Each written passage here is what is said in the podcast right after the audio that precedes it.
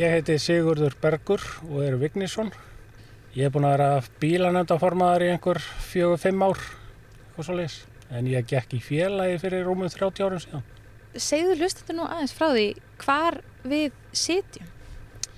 Við sitjum í Jöklarauð sem er bíl félagsins. Þetta er svona flutningatæki, allega flutningatæki bara, stór pick-up sem er sér útbúin til jöklaferða. Og hún er notaður svona í bara all, aðföng fyrir félagið, bæði hér í bænum og svo allt sem þarf að flytja að skálum og, og í ferðir félagsins. Náttúrulega alls konar mælingaferðir og það þarf að flytja mikið á dóti og, og mannskap og svo er náttúrulega viðhald á skálum og svona, það þarf að flytja dimbur og málingu og drasl. Nú félagi að verða 70 ára og jökla rauður hér, hann hefur ekki alltaf verið til staðar eða hvað? Nei, þetta byrjaði nú á gamlum herbílum, svona výbónum og svo leiðis upp á 1950. Svo farið út í snjóbíla og ímislegt svo leiðis. Og snjóbílarnir voru nú aðal faratækin svona alveg hreint fram með 1990 hjá félaginu. En þá fara að koma þessi svona jeppar á stóru dekkjum og, og leysa það af. Fyrsti slíkur bíl okkar uh, kaupu við sennilega 95 eða 6 og það var svona pick-up sem við smíðum upp úr rusli bara sjálfur og, og notuðum í einhver 6-7 ár og þá kaupum við þennan bíl sem við erum í núna. Þegar þú segir við smíðum upp úr rusli, hverju erum við? Við erum bílanemdin sem að samastendur að svona hefur verið gegnum tíðina svona 7-8 einstaklingar menn sem hafa gaman af að smíða í þessu bíladóti og, og breyta þeim og, og svo að, að ferðast á þessu og nota þetta. Bílanemdin saminar þarna svona tvö hobby í rauninni. Í rauninni þetta eru tvær tegundur af mannum sem er hafa rosalega gaman af bílónum og, og gera við þetta og keira þetta en aðrir hafa gaman aðalega ferðalögunum en þetta er náttúrulega bara fer saman í þessu. Fellur þú meira í annað hvað flokkin? Já, ég er nú bara ferðamadur. Ég hef ekkert gaman af þessu játnarastli þó að ég hef verið dæmdur til þess að vera formadur og allt svoleiðis. Ég hef bara gaman af ferðalögunum. Um mitt.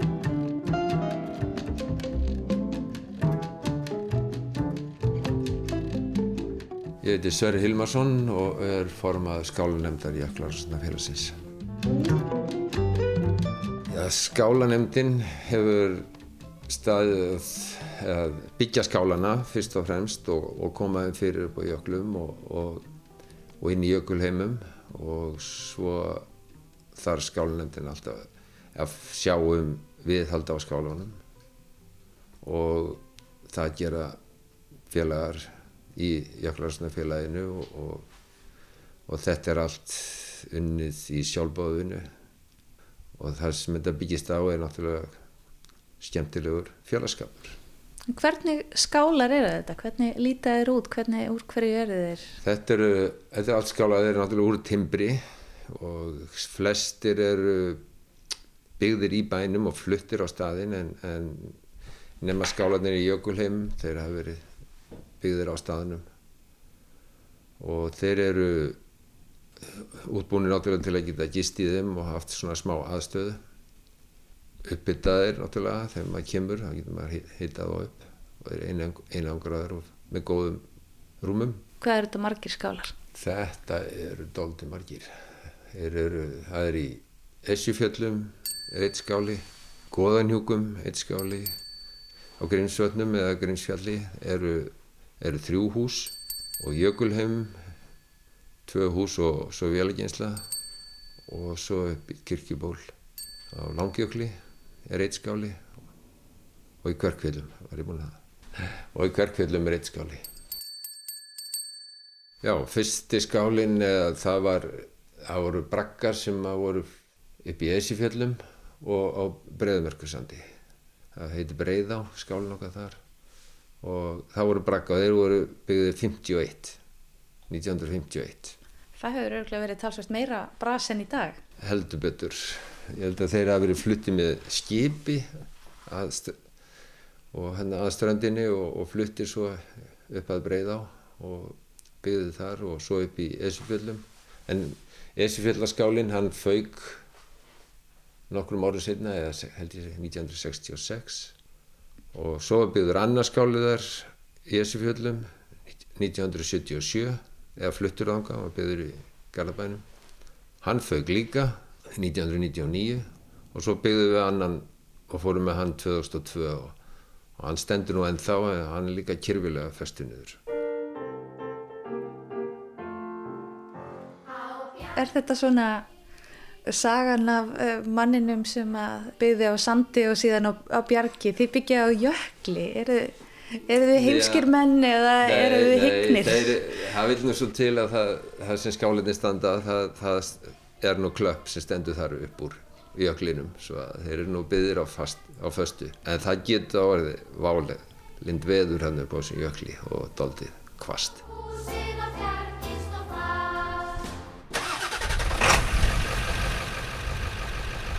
Var það mikil búbót þegar að þið fengu þessa bíla?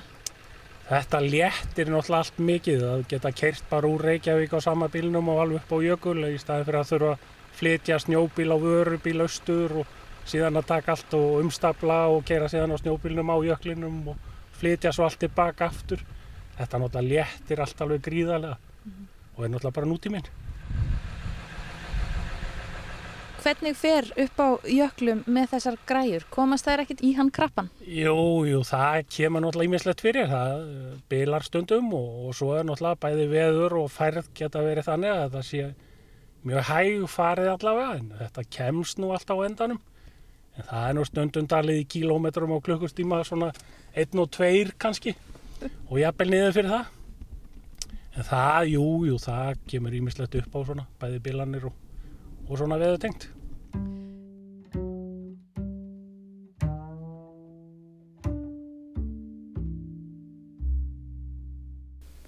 Hvað þarf marga þegar þið farið og reysið svona skála? Hvað þarf marga með?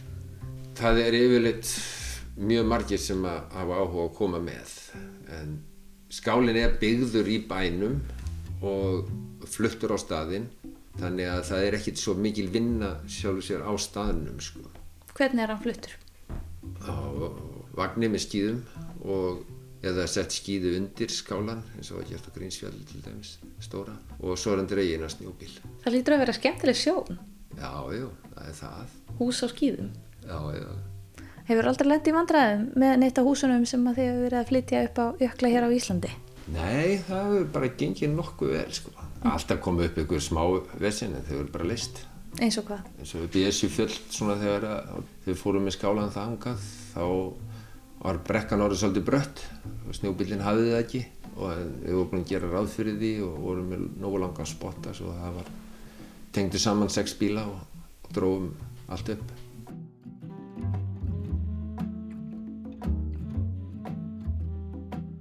Mér er sagt að þú eigir gæluna. Ég er kallaði Siggi Suða. Að ég hérna, þegar við fluttum skála eða, eða sagt vinnu aðstöðu, klósett og gufubað og svona verkvargemslu upp á Grímsfjall 1993 eða 4, 94 sannlega. Að þá lendum við í brasi svona út af veðri og hinn og þessu. Húsið var flutt í heilulagi upp á jökul og lendum í tímapressu og Ég vann hann ansið mikið við að sjóða húsið niður á undirstöður sem voru boraðar í fjallið þannig upp á Grímsfjalli Loksjóða. Rafsjóða. Rafsjóða. Ég svona vann hann í einhverja dósólaringa svo skefna og var orðin ansið einkennilega útlítandi eftir það. Bæði illa sólbrunnin og rafsjóðubrunnin og skítugur og svona. Og þá festist þetta upp úr þessu við mig, Siggi Suða. En þú ert ekki bara ánæðið með það nafn? Það er hitt besta mál. Ég kynni mig alltaf sem Sigga Suðursson í þessum hóp því að annars veit enginn hver er, það veit enginn hver Siggi er. það getur verið hver sem er. En Siggi Suða, það er bara einn. Það er sagt að uh, fólk í jöklafélaginu það verða að vera til í svolítið bastl. Hefur þú gaman af góðu bastli? Já, við sleppum aldrei góðu basli. Það er nú bara þannig. Þetta er bara partur af þessu. Það er náttúrulega, er aldrei á vísan að róa með veður og svona þó maður fari upp í góðu veðri að þá getur verið komið skýta veður bara morgun eftir og í fjögra, fimm, sex daga ferðum að þá bara þarf að vinna stundum í vondu veðrum og þá getur verið bastl en það fylgir þessu bara þeir sem að hafa engan áhuga slíku þeir hætti ekki mjög fljótt. Hluta fjörunu bara. Það er bara hluti af þessu, jájá já.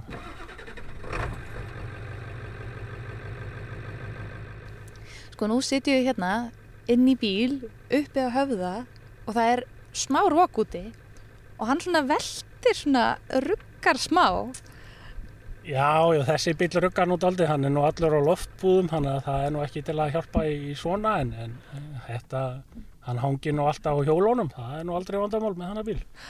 Hvernig er að keira þetta upp að jökli? Er maður að skoppa mikið fram og Þetta tilbaka? er, þetta er nú svona eins og að vera bara á skipi í stórsjó oft, það er þetta vaggar og, á alla kanta og, og ruggar mikið, en, en stundum er nú jökullin líka alveg renni sléttur, þá er þetta að keira bara alveg eins og druslandreigur, en svo stundum er þetta hans sjóslétt og þá ruggar hann mikið, já.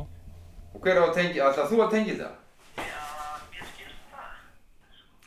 Sko, ég, ég skal lofa því, ef vélum fer í gang, það er ekki vandamálið.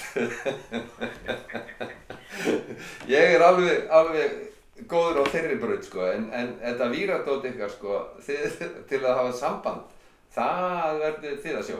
Mm. Og þú ert á leiðin í leiðungur núna um helgina ef veður leiðir. Getur þú sagt mér aðeins frá því? Það var rafstöðin upp á Grímsfjalli bilaði fyrir mánuði síðan og þá fórum við með vara rafstöð þangað uppbyttir og til að í staðin fyrir rafstöðinu sem við komum með í bæinn og nú er búið að laga hana og, og við ætlum að fara með hana um helgina og það er nöðsild að hafa þessa rafstöð þarna upp frá til að hafa rafmagn á tækjum, vísindatækjum og tólum fyrir svo geta fylgst með fjallinu þegar sagt þú hvernig það fyrir að gjósa þar eða eitthvað. Og hvernig undirbyrðu þennan leiðangur? Já, það er til að fá faratæki og, og, og mannskap til að fara með okkur. Og það er nú oftast vilja margi koma með og yfirlt fleiri heldur en kannski þörfu á það því að það er bara til að fara í að vera félagskapurinn og svona. En nú er þetta COVID og þá þarf maður að skera niður og það er ekkit, það er ekkit hægt að fara eins og vennilegur hópur hann auðbyttir með alla félagana. Svo, svo við förum bara átta núna. Mm. og tveir í bíl og við ætlum inn í jökul heima og, og svo upp tónarjökul og, og upp á Grínsfjall og, og bara skiptum skipt út rafstöðinni og, svo bara volandi að hún halda áfram að ganga eins og hún er búin að gera undanfærin ár vandræðalaust.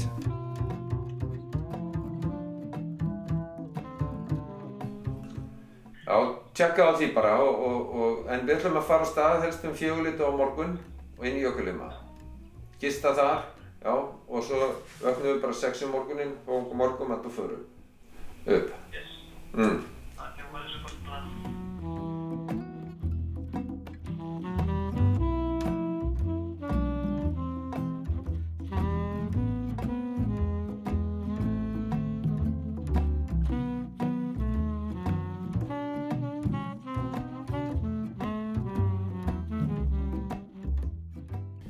Já, ég get nú sagt þér eina svona kannski bilanasugu bara. Það er svona eina sem hefur alvarlega bilað hjá okkur.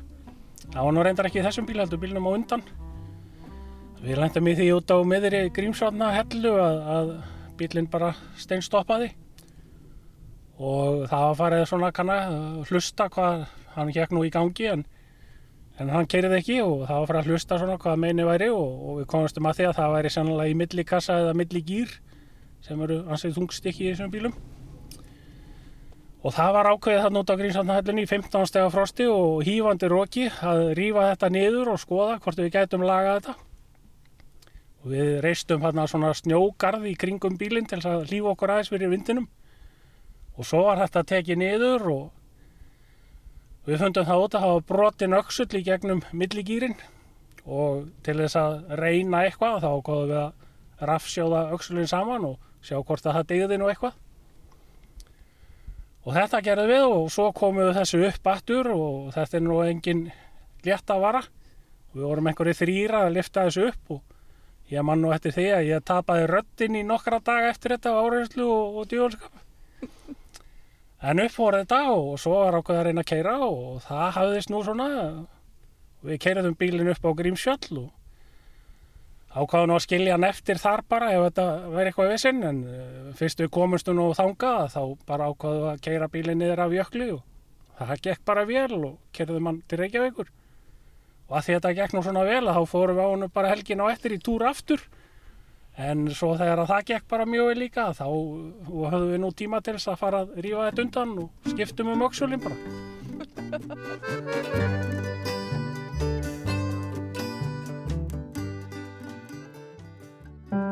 Rás 1 fyrir forvitna.